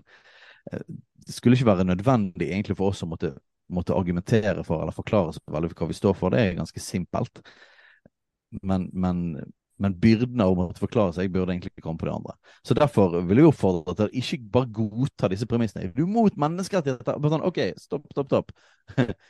Når vi snakker om menneskerettigheter, hva, hva, hva mener vi med det? Mm. Uh, og alt dette hvor dypt filosofisk du har lyst til å gå, så er det bare sånn at Menneskerettigheter, er det en objektiv sannhet? De har jo òg forandret seg. Um, hva er det de står for? Nei, I utgangspunktet er vi veldig positive til menneskerettighetene, vi, vi kristne. det at, fordi at grunnlaget for den er et kristent menneskesyn i veldig stor grad. Så det er veldig Mm. stor grad basert på kristne verdier. Og fordi vi tror på kristne verdier fra Bibelen, så betyr det at i, i veldig stor grad så kan vi være positive til menneskerettighetene. Men menneskerettighetene er ikke det vi er bundet av, vi er bundet av Bibelen. Men heldigvis så er det stor, stor likhet på det, og humanistiske verdier kommer ut av kristne verdier, på at du tar Gud vekk. Men så har jo det kommet litt og litt mer annen type ideologi inn, som er antikristen, eh, inn i menneskerettighetene òg. Så, så, så det spørs hva vi mener med menneskerettigheter. Vi er ikke nødvendigvis for. Vi har jo snakket om med, med både Truls og han herre eh, Kjell Skartveit. Kjell Skartveit med jobbingen som aktivistene har da med å få dette inn i menneskerettighetene. Ja. Eh, Yoga Karta med, prinsippene. Ja. Så, så, så det er helt med hva vi snakker om med, med menneskerettigheter. Og, og, og, og så er det litt sånn ok, I Norge så er det litt sånn at hvis du sier menneskerettigheter, så er det akkurat som at det er en slags objektiv sannhet. En slags verdigrunnlag som bare alle skal være en del av. Men det er bare sånn hvor har du det fra? Hvorfor tror du på det? Vi fundamenterer noe i noe dypere enn det. Og, og, og det må vi si, og det, er det vi tror på. Men heldigvis er vi veldig positive til menneskerettighetene, eh, fordi at det er mye kristne verdier der. Så, men hva mener du? Ja. Og, hva er det du snakker om egentlig? Hva er det du mener Og det er akkurat det. Pride-saken har i forhold til menneskerettigheter? ja, for vi må både få den, dem vi snakker med, til å definere hva de mener, men òg da utfordre. Men hvorfor Altså, hva, hvor hen henter du det fra? Vi må hele tida tørre å utfordre tilbake. Hvor henter du det ifra? OK, hva er det som gjør at du mener det her er rett, og noe annet er galt? Er det som, hvor henter du definisjonene dine fra? Hvor henter du rammene? For at, hvis, for at noe skal være rett, så må noe være galt. Og hvis noe skal være rett eller galt, så må det være et eller annet som definerer det. Så hvor henter du det fra? Hvor henter du eh, ditt syn på rett og galt fra? For oss kristne er det kjempeenkelt. Men For veldig mange andre så blir det veldig vanskelig og veldig subjektivt. Og da kan man fortsette. Men hvorfor mener du det, da? Og, så det, det er en veldig effektiv måte. Og poenget her er ikke sånn debatteknisk, der vi skal prøve å vinne en debatt, slå folk i hodet. Det er ikke det som er poenget mitt. Poenget mitt er at vi skal komme litt på offensiven. Ikke bare akseptere premissene, havne bakpå. og sånn, «Æ, æ, æ, æ, Vi vet ikke hva vi skal si, fordi vi har akseptert premissene som, som kommer. Vi må tørre å, å gå litt imot, og, og ikke akseptere premissene. Utfordre tilbake og si hvorfor mener du det, hvor henter du det fra, og hva mener du med de ordene der? Og så er vi klar til å definere hva vi mener. Så vi krever ikke noe annet fra dem enn det vi sjøl står for. Altså, vi, vi skal gjøre akkurat det samme, men vi krever at de gjør, gjør det òg. Og der har jo sånn Ja, og det med å elske den du vil. Jeg bare sier, Fullfør, du. Nei, jeg bare tenker at dette er et Vi tror vi må si det, at dette er et godt råd. Fordi at hvis det er noe i denne kulturkrigen når det kommer til måten man bruker ord på, eh, debatter, folk som på en måte anklager oss for ting, er, er det noe som vi kan Et råd vi kan gi, så er det ikke gå med på premissene. Fordi at premissene er lagd, argumentene er lagd, For å ordene føre er til en konklusjon. konstruert. Ja, de, ja, de, for å, ja, til å føre det i en konklusjon. Du er satt sjakkmatt. Ja. Går du med på premissene, så må du stå for innholdet. Altså, Sånn er det bare. Så hvis du prøver å slite deg løs med, med kristne verdier innenfor det, de premissene de har lagd, da kommer du ikke deg ut. av. Det må folk forstå altså, det at det er veldig mange eh, premiss som fører til en gitt konklusjon. Derfor kan vi ikke akseptere det. Og ta det her med eh, OK, men eh, du, alle må få lov til å elske den de vil. Der må vi tørre å utfordre. OK, hva, hva mener du egentlig med det? Eh, for at, eh, og da kan jo eksempel ta da, en kan jo velge, eh, det, er en fordel ikke alltid gå til de mest ekstreme eksemplene. Det, det er en fordel. For Mm. det, det er vanskelig for dem vi snakker med. Men likevel, da. Sånn, ok, Så hvis det er da en far og en datter som elsker hverandre, så kan de få lov til å elske hverandre fordi at de begge vil det? Er det det du mener? Altså, det å bare tørre å utfordre, så det, det, det må vi lære oss. Og det her, er- akkurat det her òg gjelder når vi skal snakke om det med hat. For det òg Mm. blir slengt imot oss igjen og igjen. Og det var en voldsom kommentar i VG nå for litt siden. eh, Fra Du en av kunne bare tatt akkurat eh, fra den, eh, fra den regnbuefakturaen først, før vi tar den. Jeg bare så at i, i den setningen, sant? Pride-markeringen skal være en kamp for grunnleggende menneskerettigheter, for den snakket vi om. Og så står det at mennesker kunne være seg selv uten å oppleve skam og diskriminering. Ja. Det går an å gå inn i både skam, hva, det, hva mener du med det, skal ingen oppleve skam, hva, hva, hvordan betyr det, diskriminering kan man gå på, men den man i alle fall må ta, er være seg selv. hva er det vi tenker i å være seg sjøl, og hva er grunnlaget for identitet? Eh, og skal vi bare godta premisset om at jeg er en two spirit, som er det nye mest populære i USA for tiden, eh, som en slags indiansk tokjønnsgreie. Eh, god, skal vi bare godta at menneskerettigheter er at alle kan definere, definere seg sjøl som det de er, og at det fins alle mulige slags kjønnsuttrykk og en flere hundre seksualiteter. Er det det du mener at det er menneskerettighetene? Eh, og hvor går grensene for det i så fall? Så igjen, da, bare sånn Ja. Være den jeg er, eller den man er eh, seg sjøl, hele den greien der. Ikke la folk bare Ikke bare godta hele den greien der, for det ligger så mye pakket inn det, men, ja, det er liksom mye greier der. Og det, det, men det var bra du bare stoppa oss der, fordi der òg må vi tørre å utfordre folk. Når folk sier men alle må få lov til å være den de er. Men hva legger du egentlig i det? Skal alle få lov til å definere hvem de er, og dermed få lov til å leve det ut? For, for det de mener, er jo at hvis du ikke får lov til å leve ut den du er, så er du per definisjon undertrykt. OK. Så hvem skal ramme inn det her, da? Hvem skal begrense det her? Og, og, og igjen, det er en fordel ikke å gå til de ekstreme eksemplene, selv om det er det enkleste.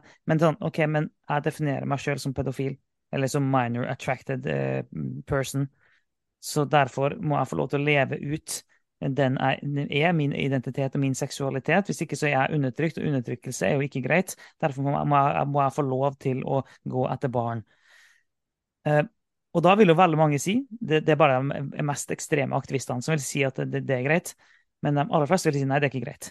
Så men OK, så da mener du at vi ikke alle kan være seg sjøl sånn som de forstår den setninga, for de, forstår det mer emosjonelt og hvordan en identifiserer seg.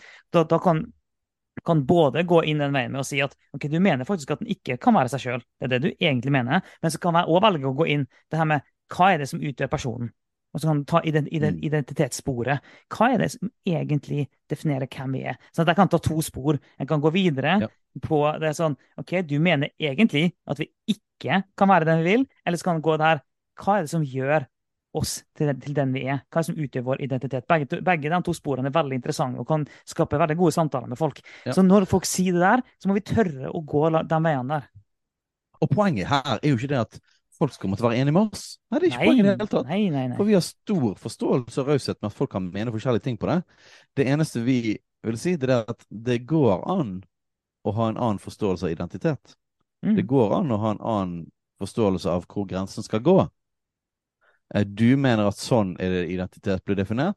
Jeg tror på Bibelen mener det at man, eh, identiteten blir definert på en annen måte. Mm. Eh, Du mener at grensen går der. Vi er begge enige at det må gå en grense et eller annet sted. Sant? Jeg definerer meg som pyroman. Kan jeg derfor bare brenne ned alt jeg vil? Nei, det mener vi at det kan du ikke. Da går det utover andre, for eksempel. Ok, er det det som er definisjonen? Gå utover andre, sånn, sånn. Hvor, vi må, da må vi snakke om hvor skal grensene gå. Jeg mener grensen går her. Mm. Du, du må finne ut hvor din grense går. Jeg har respekt for at du ikke helt vet det. Men i det minste så må det være en respekt for at jeg har en annen definisjon av dette. Jeg har en annen forståelse av dette. Og da kan ikke du bruke dette her eh, liksom manipulerende maktspråket, da. Som setter meg i sjakkmatt der jeg må godta eh, dine meninger. Mm. Eh, og, og, og basically er det det, det eneste vi trenger. Det er bare en viss liksom Åpne det opp og si det at her må det være mulig, her må det være lov å ha debatt. For her min- er det masse min, ting som eh, ikke er selvforklarende. Ja, ja. Min erfaring når jeg snakker med mennesker som er uenige med meg, og som er veldig uenige med meg òg, at når vi klarer å få samtalen på det sporet her, eh, der vi snakker litt sånn ordentlig om ting, så ender vi opp med For det første så ender vi opp med at eh, eh, altså Det blir som regel gode samtaler. Det ender også som regel opp med at vi er mye mer enige enn det vi tenkte i utgangspunktet. Eh, og det, vil, det betyr jo ofte da at eh, en ikke er så enig med mange sånn pride-slogans som en gir uttrykk for at den er, for å si det sånn. Ja. Eh, Mm. Så det, jeg, jeg blir stadig hva skal jeg si, til en viss grad overraska over hvor langt unna en del folk egentlig stiller seg. Mange av standpunktene til FRI, samtidig som de veldig sånn aktivt heier på eh, pride og FRI. Men når vi snakker om det, så kjenner jeg fram at de egentlig står ganske langt unna en god del ting. Her, og det handler jo egentlig bare om at eh, en har eh, eh, laga på en måte skilt det litt sånn ut i hodet sitt, da, med at eh, litt sånn, Pride er bare en feiring av kjærligheten. Alt det andre det for, forholder jeg meg ikke til, for det er jeg uenig i. eller sånt. Og jeg kan forstå at en velger å gjøre det sånn. Jeg har en viss forståelse for det. Jeg klarer ikke det. Og jeg, jeg, mener, jeg mener at det ikke går, og jeg mener at det er feil. Eh, Og at jeg mener at du, du går ikke an å gå i pride uten at du støtter opp på masse, masse annet. Jeg mener at det faktisk ikke går an. Men jeg forstår den som argumenterer for det. Ja. Og tenker liksom for enhver uh, gjennomsnittlig nordmann, så er det bare sånn Om du velger å stå for dette 50% eller 20% eller 100% så er det smart å ha tenkt Vi tenker ikke gjennom alle filosofiske spørsmål, jeg forstår det. Jeg forstår det at vi ikke kan stoppe opp og definere hvert eneste ord vi sier til en person når vi snakker med dem. Det blir veldig tungvint. Men her snakker vi om en måte å forstå seksualitet og kjærlighet og relasjoner som, som bryter med historien og bryter med de fleste andre kulturer utenom den vestlige. Er ikke det da smart, når vi på en måte gjør en så stor revolusjonær endring, og i alle fall vite litt hva vi Hvorfor vi mener det vi mener, da? Eh, når vi forandrer samfunnet såpass dramatisk fra fortiden, er ikke det smart å tenke litt gjennom dette? Husk, vi har en hel måned der vi feirer dette. Du bruker flagget, liksom. liksom du, du, er ikke det litt greit at du vet litt hva dette handler om? Hvis ikke står vi jo i fare for at noe ruller inn over oss som vi ikke har tenkt over, og så viser seg plutselig at vi sto ikke helt for. Er det smart? Er det bra for demokratiet? Og så videre. Eh, Så jeg, jeg, jeg syns det må være lov å ansvarliggjøre folk litt. Ja. ja. Og det er jo det, er jo det hva skal jeg si, det mest respektfulle og ærefulle måten du kan behandle mennesker på, er jo faktisk å forvente eh, at de kan stå opp for sine egne meninger, at de kan begrunne sine egne meninger. For da behandler du dem som likeverdige mennesker. Så det å stille den typen krav er det mest kjærlighetsfulle, respektfulle vi kan gjøre mot andre mennesker. Der, Men- det vi snakket om, det er å praktisere toleranse. Ja, så Å, det der er mye. Det, det, toleranse er en egen episode. Da vil jeg bare minne om hva toleranse veldig kjapt er. Det er ingenting kjapt. Det her skal være kjapt. Eh, Det, det skal være kjapt. Og igjen eh, en av, eh, eh, det, En kan alltid eh, krangle om definisjoner på hva toleranse er. Jeg syns fortsatt at eh, Einar Øvrenge sin er fantastisk god. Når han snakker om at eh, toleranse er at du har eh, eh, Du har muligheten til å hindre en mening eller en ytring, men du velger å la være. Men ikke bare det. At det er, eh, det er eh, en mening og en ytring som du eh, eh, Hva ikke ord var han brukte? Han brukte noen noe ord, men poenget var liksom at det, du forakter det. Du, du, det, du avskyr det. Så det er ikke sånn mildt. Toleranse er ikke noe du er bitte litt uenig i, men du aksepterer det. Eh, Toleranse er det er ting du avskyr, som du er sterkt uenig i, og du har muligheten til å stoppe det, men du velger å la være. Så, så du kan bare kalle deg tolerant hvis det er noe ting som du er skikkelig, skikkelig, skikkelig imot, men så aksepterer du det likevel. Hvis ikke, så kan du ikke kalle deg tolerant. Vi kommer jo selvfølgelig ikke gjennom eh, planen vår i dag heller, men eh, vi må vel avslutte med denne her eh, hatefullt-greien. Eh, vi må nesten snakke om det, er ikke du enig, Alf? Jo, jo, jo, vi kan ikke avslutte episoden her uten å snakke om det der, for det var det jeg begynte Så- på i stad. Når du Ja, dro så jeg kanskje at vi kunne Ja, ja. Så eh, kanskje kunne vi bruke denne her uh, skjermbildet, den meldingen der, som en bro over i det. En bro fra toleranse til hatefullt. Da. Ja, ja, ok, for det var, det var noen som sendte inn til oss eh, Jeg er ikke helt sikker på konteksten her, men det var, det var noen som hadde skrevet inn til noen eh, som handla om, eh, om det som går på eh, alt det vi har snakka om. Og der er det en person som skriver at jeg kan tolerere og respektere at noen har et annet livssyn eller religion enn meg. Eh, det er ikke eh, Jeg tolererer ikke den delen som innebærer at noen mennesker skal, skal kunne mene at andre mennesker er feil. Jeg tråkker sikkert i et ormebol nå, men jeg syns det er det samme eh, som fordommer og holdninger mot dem med en annen hudfarge. Vi kan ikke være imot mørk hud. Da kan vi heller ikke være imot at noen er skeive heller. Det er ikke et bevisst valg en har tatt. Det som en er. Så får vi alle ta en runde med, ja, med våre fordommer. Alle kan ha sine meninger, men når en kaller noen sin eksistens for en mening, da tar en feil. Og alle diskusjonene og alt grumset kommer opp, det viser bare hvor viktig pride faktisk er. Ja, der, vi har Ja. nettopp snakka om det her med at alle skal få lov til å være den, den de er. Så det bare tanken om det en er, er jo interessant å, å snakke om. Ja, Vi snakket akkurat om toleranse her, på en måte, og, og, og, respekt. Um, og her er det jo tydelig at noen setter noen en grense da, for Mm. sin toleranse og respekt, med at noen mener at noen er feil. Det som er så trist med hele den setningen der, er det at du hopper på en måte, du konkluderer, og så hopper du over på en måte hele At det finnes en mulighet for uenighet om identiteter. Mm. Mm. Eh, og hva er det som definerer oss? Sant? For det er jo der vi kommer inn og sier at vel, vi er ikke enig i premisset igjen. Mm. Eh, hvis det var sånn at hvis, hvis det vi snakket om her, var å faktisk mene å være imot noen fordi den man er, så hadde jeg vært helt enig. Mm. Helt enig at det, det er ikke en god Jeg vet ikke hva, du, hva grunnlag du har for å være imot det. Du sier det blir som samme som rasisme. Det er vi òg imot. Vårt grunnlag eh, er det at vi kan ikke være imot noen ut fra den de er, fordi at Gud har skapt dem i sitt bilde. Eh, så det er vi imot. Det vi er uenig i, er jo at det å være skeiv er den man er. Mm. Eh, og nok en gang så er det sånn at argumentasjonen setter deg i sjakkmatt hvis du er enig i pre- premisset. Han mener altså ja.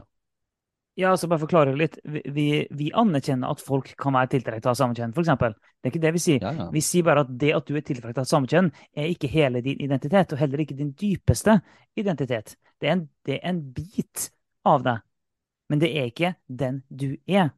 Og eh, sånn, din seksualitet er ikke din identitet.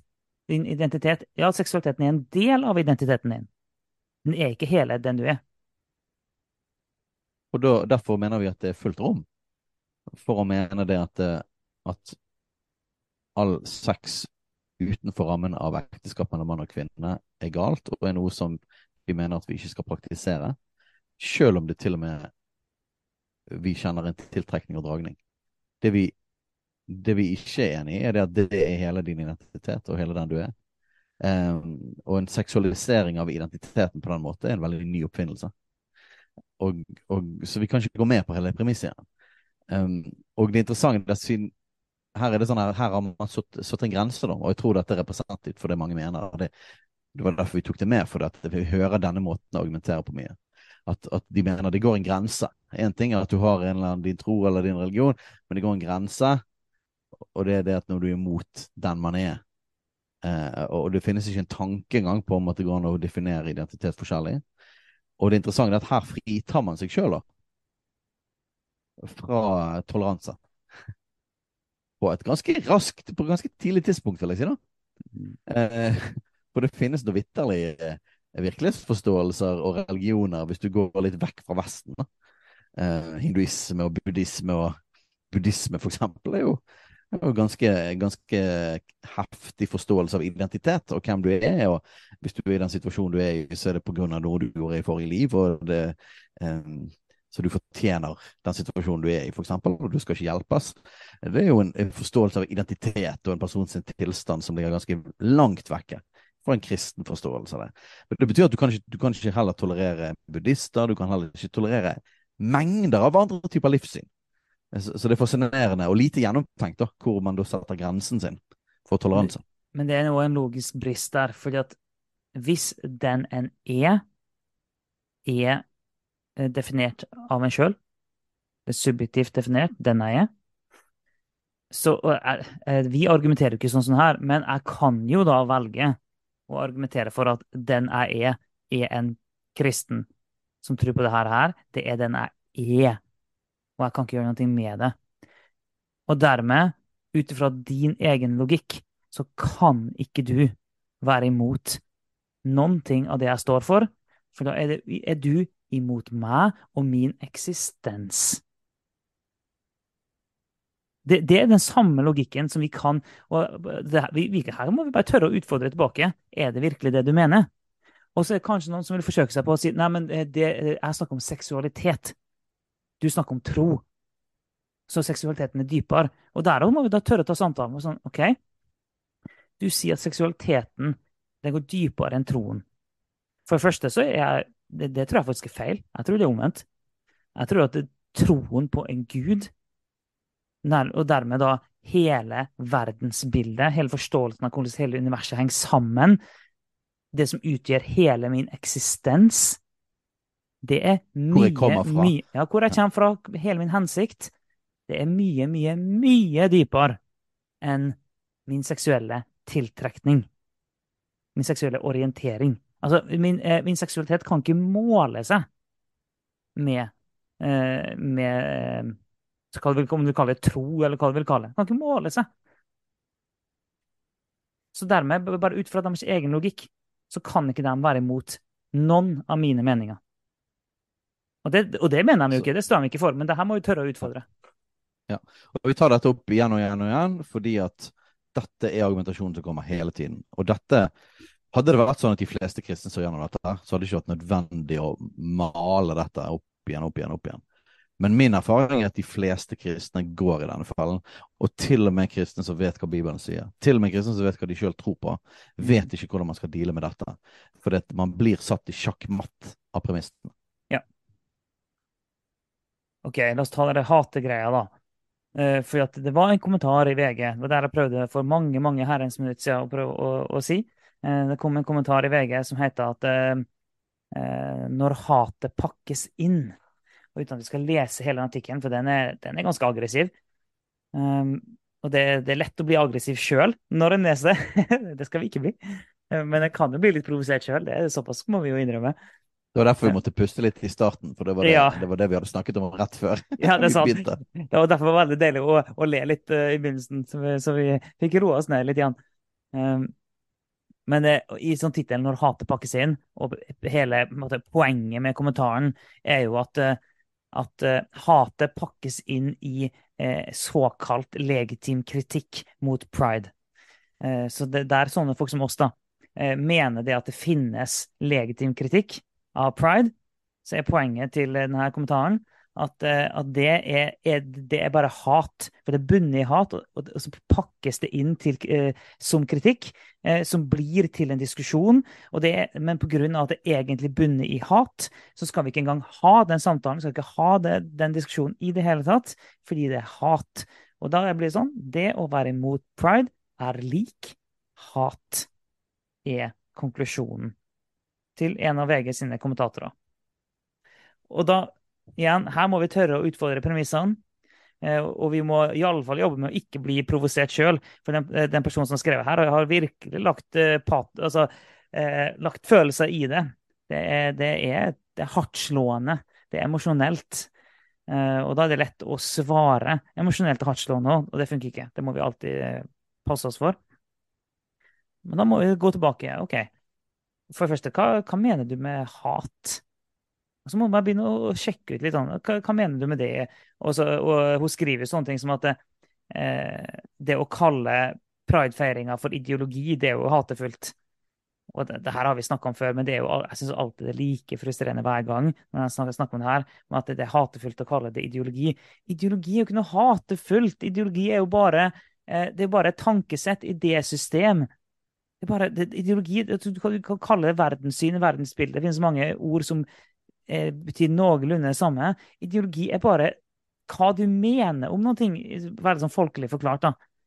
Eh, og, så det, like, det som hun fremmer her, er jo like mye ideologi, det, Så alt er like frustrerende når det der kommer opp. Ja, og, og eh, det er et, det er et sånn kontinuerlig arbeid om å gjøre pride-greien til så selvfølgelig som mulig. Ja. Så brei, så eh, selvforklarende, på en måte. Litt sånn self-evident. Altså at Det er allmenngyldig, da. ja, at, at dette er egentlig ikke noe vi kan ha meninger om. Altså, det, det, det er menneskerettigheter. Det er nesten sånn instinktivt som et menneske. Altså, det, det tar hele tiden, tiden blir det tatt dit, da. Eh, og, og det er veldig fascinerende, fordi at hvis du kan si at noe er på en måte bare selvforklarende og selvfølgelig, så slipper du på en måte å argumentere for det. Du, du, du slipper å måtte møte motargumenter. Eh, og det virker jo som at det er på en måte målet, da. Eh, og vi sier jo dette om igjen og om igjen, men alle har en virkelighetsforståelse. Mm. Eh, alle har et sett med verdier og ting man mener er sant, eh, som er påvirket av forskjellige ting. Det er ikke noe galt i det, det er helt selvfølgelig. Eh, og grunnen til at vi ofte bruker ordet ideologi, er jo at her snakker vi om et sett med verdier, en, en, en forklaringsmodell, da, en måte å se verden på, forklare mennesket og samfunnet på, som skiller seg en del fra sånn som det har vært. Og det er jo hele grunnen til Hvis man mener det at de ikke gjør det, så er det litt sånn Men hvorfor i all verden har vi pride, da?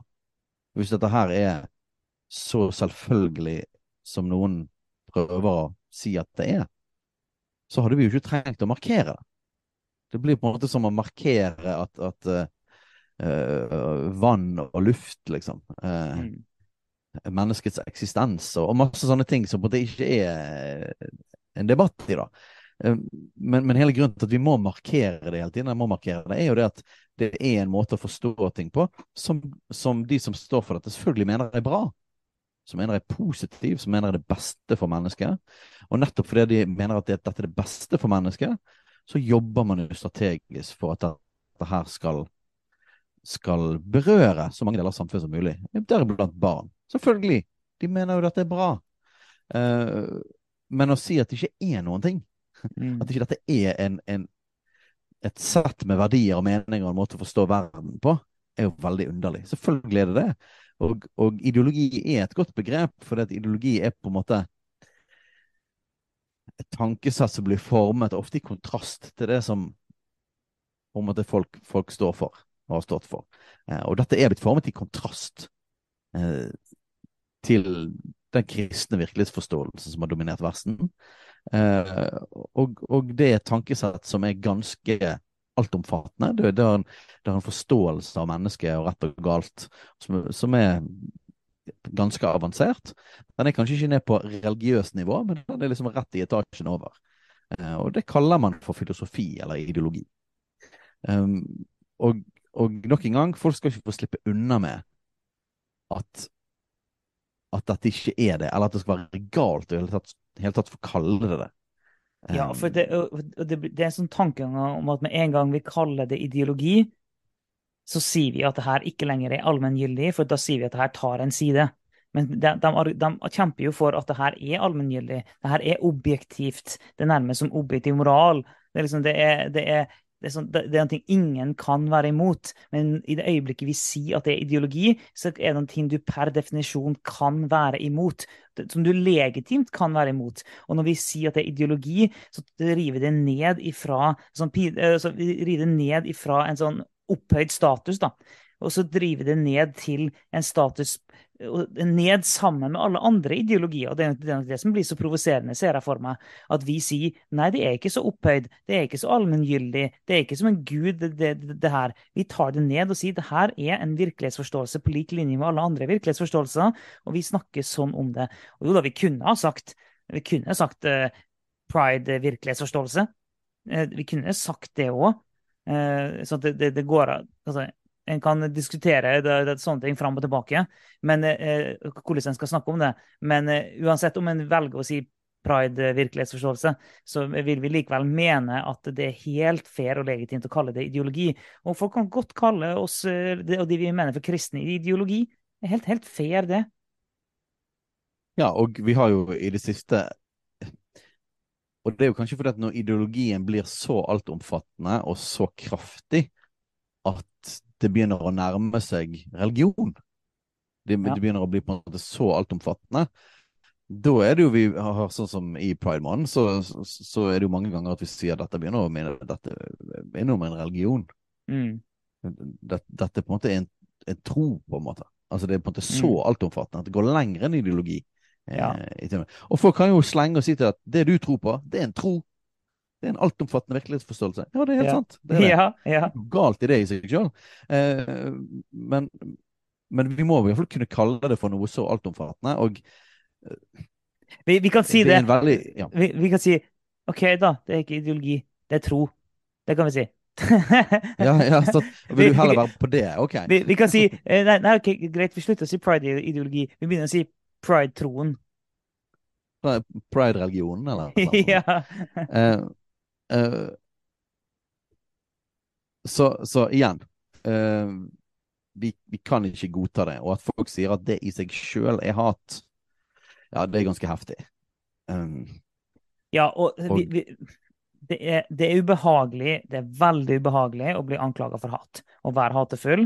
Og det, og det, kan være vanskelig å stå opp imot eh, såpass eh, kraftig retorikk som denne kommentaren her er. Det, det, det er rimelig kraftig eh, merkelappsetting eh, vi snakker om her. Og det er jo i Norges største avis, eh, en kommentator ansatt i Norges største avis, som dundrer på, altså, med å kalle ting hat. Og det, det, er ikke noe gøy. Og det kan være vanskelig å stå opp imot. Men vi har ikke så mye annet valg enn at vi må lære oss det. da. Vi må faktisk, vi har ikke noe annet valg. Uh, og da må vi klare og det å avsløre premissene, ikke gå med på det, utfordre litt tilbake. Hele tiden på en rolig, saklig, kjærlig måte, selvfølgelig. Ikke svare emosjonelt. Ikke, så må vi jobbe med det her hele tida, da. Og så, vi, og så må vi Og en av grunnene da, eh, til at noen syns det er vanskelig for at de er mer konfliktsky og har lyst til å være litt mer usynlige og sånn. Andre kan synes det er vanskelig for de ikke er trygge på hva de står, står for sjøl. Og det er òg noe grunn til at vi har en podkast her. Det er jo for å lære kristne hva er, hva er det vi står på. Hva er vårt fundament? Og det må gi en fremodighet til at vårt fundament er supersolid, og faktisk mye mer solid enn absolutt alle andre sitt fundament. Det kan vi ha stor frimodighet på.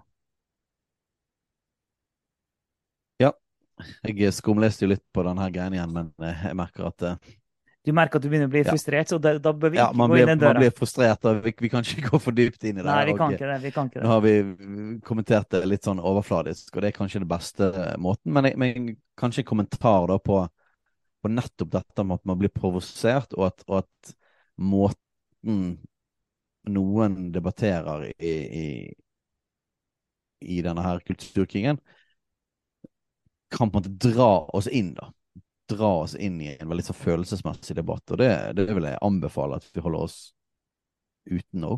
Jeg, jeg, tror ikke det er bra fra vår side heller å på en måte argumentere på den måten. Nei. det er i hvert fall min mening. Det blir raskt stygt. Eh, og, og, jeg tenker her er det best å telle til ti og trekke pusten og svare konkret på de veldig spesifikke tingene og anklagene, og ikke gå med på eh, hele den måten å debattere på. Det, og det vil jeg anbefale alle som havner i en situasjon, enten det er på jobben eller i nabolaget eller i familien. Prøv å være konkret, ikke slenge ut ting eh, og, og, skyte på hverandre fra skyttergravene. Det fører sjelden til noe som helst bra. Du, du, får ikke andre folk til å tenke gjennom heller det de står for, hvis man holder på på den måten. Og som oftest kan man ende opp når man blir sur, med å si ting som man angrer på, og si ting som ikke er bra. Mm. Uh, så ikke gå i den fellen der. Um, la oss være saklige. La oss stå for det vi står for. Og så får folk mene hva de vil om våre intensjoner. Mm. Uh, og, og, det får de stå til ansvar for. Um, ja. For man, man, blir veldig fristet til å skyte tilbake og, uh, og stille spørsmål om deres intensjoner og de tingene der. Men jeg tenker, nei, vet du hva, der går vi ikke. Vi går ikke den veien. Det er et godt sted å avslutte på det. det vi må ikke åpne noen nye dører nå. Yes, så dette var jo litt sånn Du kan ikke kalle det en rant, men det var iallfall litt sånn uh, høyttenkning uh, igjen rundt uh, forskjellige typer ting som kommer opp uh, i Pride Month. Ja, og hvis vi registrerer at det, det, det, det, kommer mer saker om hele trans-saken. VG kjører jo akkurat nå en sak om en fyr som angrer. Eh, og det med en podcast, uh, to podkastepisoder om det òg. Og der uh, Hva var det Rikshospitalet hadde kalt det? En, ska en, skandale, tror jeg det var. Hvis jeg husker riktig. det var noe sånt som det. Hele den saken. så der er det noen greier som vi må gå inn i. Og du har hele det lovforslaget mot konverteringsterapi som nettopp ble lagt fram. Det må vi jo få snakka mer om. Så det er det, og så er det masse andre greier som ikke vi har rukket å snakke om. Uh, så uh, det blir nok mer i uh, juni. Det er sånn, Jeg har ikke lyst til å være en sånn pride-podkast, men akkurat nå så har vi ikke noe valg. Nei, vi har ikke noe valg. Og, og, vi håper jeg tenker liksom, Hva er hensikten med dette? her, og da tenker Jeg at det er jeg tror det har med å, å, å, få litt utløp for dere som kjenner på disse tingene, tenker på disse tingene. Eh, vi håper at vår prosessering kan hjelpe deg å prosessere, ja. eh, og, at det, og, at det, kan være sunt i den tiden. Eh, nå når vi skal avslutte, så er det selvfølgelig ikke så smart å scrolle på uh, avisforsider. Hva er det som har kommet nå? mens vi har snakket, så har det kommet ut en ny sak. Å oh, nei, å oh, nei. Eh, fra Simen Bondevik. Eh, som er overskriftene 'Jeg er woke og stolt av det'. Jeg er sikker på at verden hadde vært et bedre sted hvis flere var woke, sier Simen eh, Bondevik. Så men, Vi kan ikke gå inn i det heller. Men Nei. det er bare et eksempel på at det stadig kommer, kommer nye ting her. Ok, Vi lar den ligge, så ser vi hva vi gjør senere. ja. ok, vi prøver å avslutte der. Ha en fin dag videre for deg som har hørt på alt det her nå. Ha det godt. Ha det bra. Takk for at du lytter på Kulturkrigen. Om du har tilbakemeldinger, spørsmål, hva som helst egentlig, send inn til post alfakrøllkulturkrigen.no eller på sosiale medier.